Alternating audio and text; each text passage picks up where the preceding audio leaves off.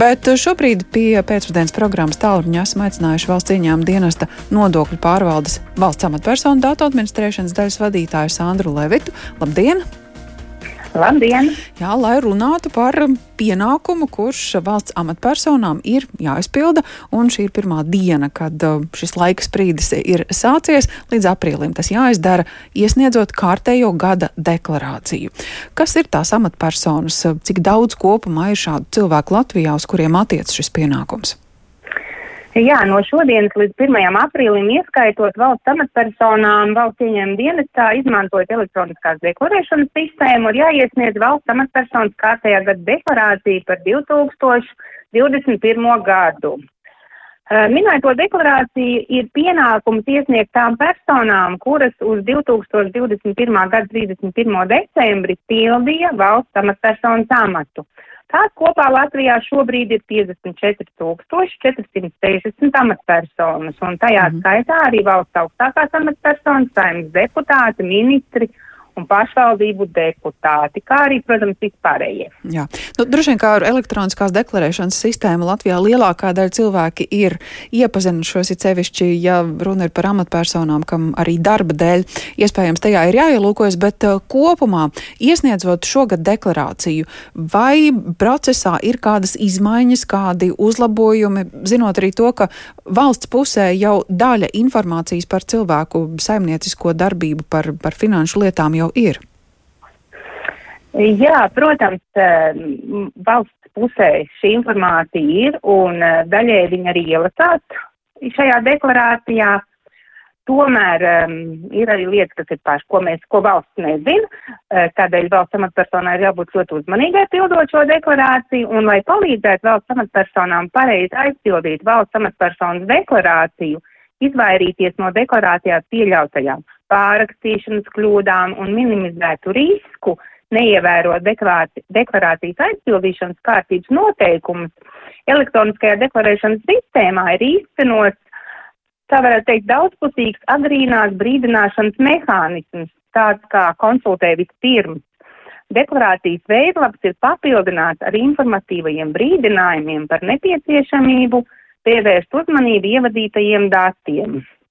Piemēram, lai nepieļautu pārrakstīšanās kļūdas par lielām summām, lai tiktu norādīts lietošanā esošais nekustamais īpašums, mm. veiktie darījumi, visi papildu pieņemamie amati un citi.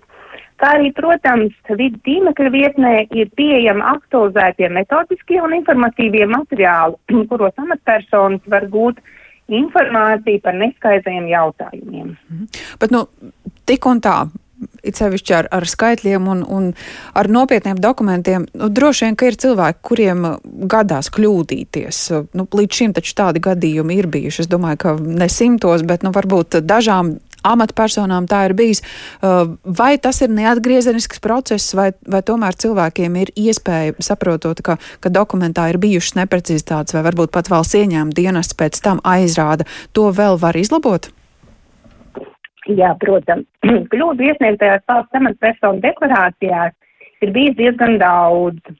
Piemēram, ir neuzmanības kļūdas, pārakstīšanās kļūdas, nenorāda precīzi informāciju par uzkrājumiem, parādu saistībām, aizdevumiem tieši uz kārtējā gada 31. decembri, nenorāda visus gūtos ienākumus, visus veiktos darījumus. Uh, savu iespēju robežās visi darbinieki veic iesniegto deklarāciju amatpersonas pār, nu, amatpersonu deklarāciju pārbaudi Jā. un salīdzināšanu ar tās rīcībā esošo informāciju. Konstatējot šīs neatbilstības, uh, mēs tās izskatām un sazināmies ar attiecīgo valsts amatpersonu. Un lūdzam deklarāciju precizēt, papildināt vai pārrakstīšanās kļūdas gadījumā novērst šīs kļūdas. Un jebkurā gadījumā tā ir deklarācija precizēšana. Mhm. Tomēr mēs visas deklarācijas nevaram pārbaudīt, jo, kā jūs saprotat, šogad tās ir 54,460. Tādējādi pašai valsts amatpersonai ir ļoti uzmanīgi jāpārliecinās par visu informāciju, ko viņi ir norādījusi deklarācijā. Mhm. Bet deklarācija ir iespējams precizēt viena mēneša laikā pēc tam, kad iesniegtā deklarācija ir publiskota valsts ieņēmuma dienas publiskojamo datu bāzē. Mhm. Savukārt, ja mēnešu laikā tas nav izdarīts un mēs neesam arī paspējuši to apzināt, tad um, tiek uzsākts administratīvā pārkāpuma process un sots par nepatiesu ziņu norādīšanu deklarācijā ir no 10 līdz 350 eiro. Mm. Nepatīkams tik un tā gadījums, pat ja tā ir. Uh, tas nozīmē, ka visas šīs iesniegtās deklarācijas, nu, daļu iespējams spēja pamanīt IT, IT sistēmas, bet uh, kopumā tas ir vida darbinieku pienākums tad, nu, skatīt cauri šos dokumentus. E, jā, nu, gan IT sistēmas mums datu noliktavās riska pārskatī, bet jebkurā gadījumā tas arī ir manuāls darbs. Uz nākotni ceram ar vienu automatizēties kurā gadījumā ļoti vēršam uzmanību, ka tieši valsts amatpersonām ir jāpārbauda savas info, ievadītās informācijas, informācijas patiesums. Mm. Um, par pašām amatpersonām runājot, nu, droši vien, ka lielākā daļa cilvēku, ja ne paši, tad, tad um, attiecīgi institūcijas, uh, grāmatvedis vai, vai darba vadītājs var atgādināt par to pienākumu, bet ja cilvēks ir mainījis uh, savu karjeru, iespējams, uh, gada izskaņā vairs nav bijis valsts amatpersona, Kāda ir iespēja pārliecināties par to, vai ir pienākums pildīt to deklarāciju, vai tas nav jādara, vai to kā var uzzināt? nu, jebkurā, jebkurā gadījumā valsts amatpersonas darba devējs informē pašu amatpersonu par nepieciešamību iesniegt valsts amatpersonas deklarāciju, jo pati valsts vai pašvaldība institūcija sniedz valsts ieņēmuma dienestam šo informāciju gan par darbu uzstāšanu, gan par darbu beigšanu, gan amata maiņu. Tātad, bet jebkurā gadījumā amatpersona šo informāciju var iegūt arī valsts ieņēmuma dienestā, sazinoties ar valsts amatpersonu tās administrēšanas daļas speciālistiem, kuru kontaktu informācija ir pieejama vidu tīmekļa vietnē. Jā, un tad iet EDS sistēmā, ko valsts amatpersonas var izdarīt, nu tieši tāpat kā jebkurš Latvijas iedzīvotājs. Viņiem nav kādas speciāli paaugstinātas drošības piekļuvas prasības. Nē, Nē, tieši tā. Viņi iegriežas valsts ieņēmuma dienas elektroniskās deklarēšanas sistēmā, un pilda deklarāciju. Un dara to līdz uh, 1. aprīlim. Cilvēkam ir pienākums to darīt, bet, uh, ja runājam par atlikušo sabiedrības daļu, kurš būs tas brīdis, kad uh, gada ienākuma deklarāciju par pagājušo gadu varēs iesniegt uh, visi Latvijas iedzīvotāji? Tātad par gada ienākumu deklarāciju no 1. marta līdz 1. jūnijam ik viens iedzīvotājs var iesniegt gada ienākumu deklarāciju, lai atgūtu no valsts pārmaksāto iedzīvotāju ienākumu nodokli par attaisnotajiem izdevumiem.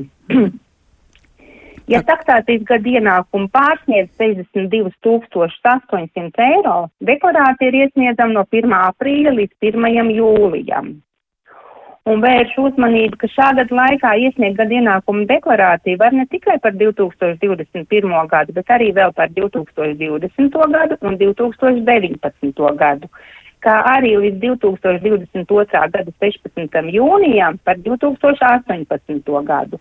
Nu, tas tā, ja kāds ir aizmirstis. Jā, nu tas vēl ir priekšā patiesībā, jā. Mhm. Kaldu? Tas vēl arī priekšā, 1. mārts vēl, vēl kādu brītiņu var gatavoties. Jā, jā, jā. jā. Mhm jā, tam vēl var gatavoties. Un vēl gribēju vērst uzmanību, ka pašnodarbinātajiem saimnieciskās darbības veicējiem gadienākuma deklarācija ir jāiesniedz obligāti.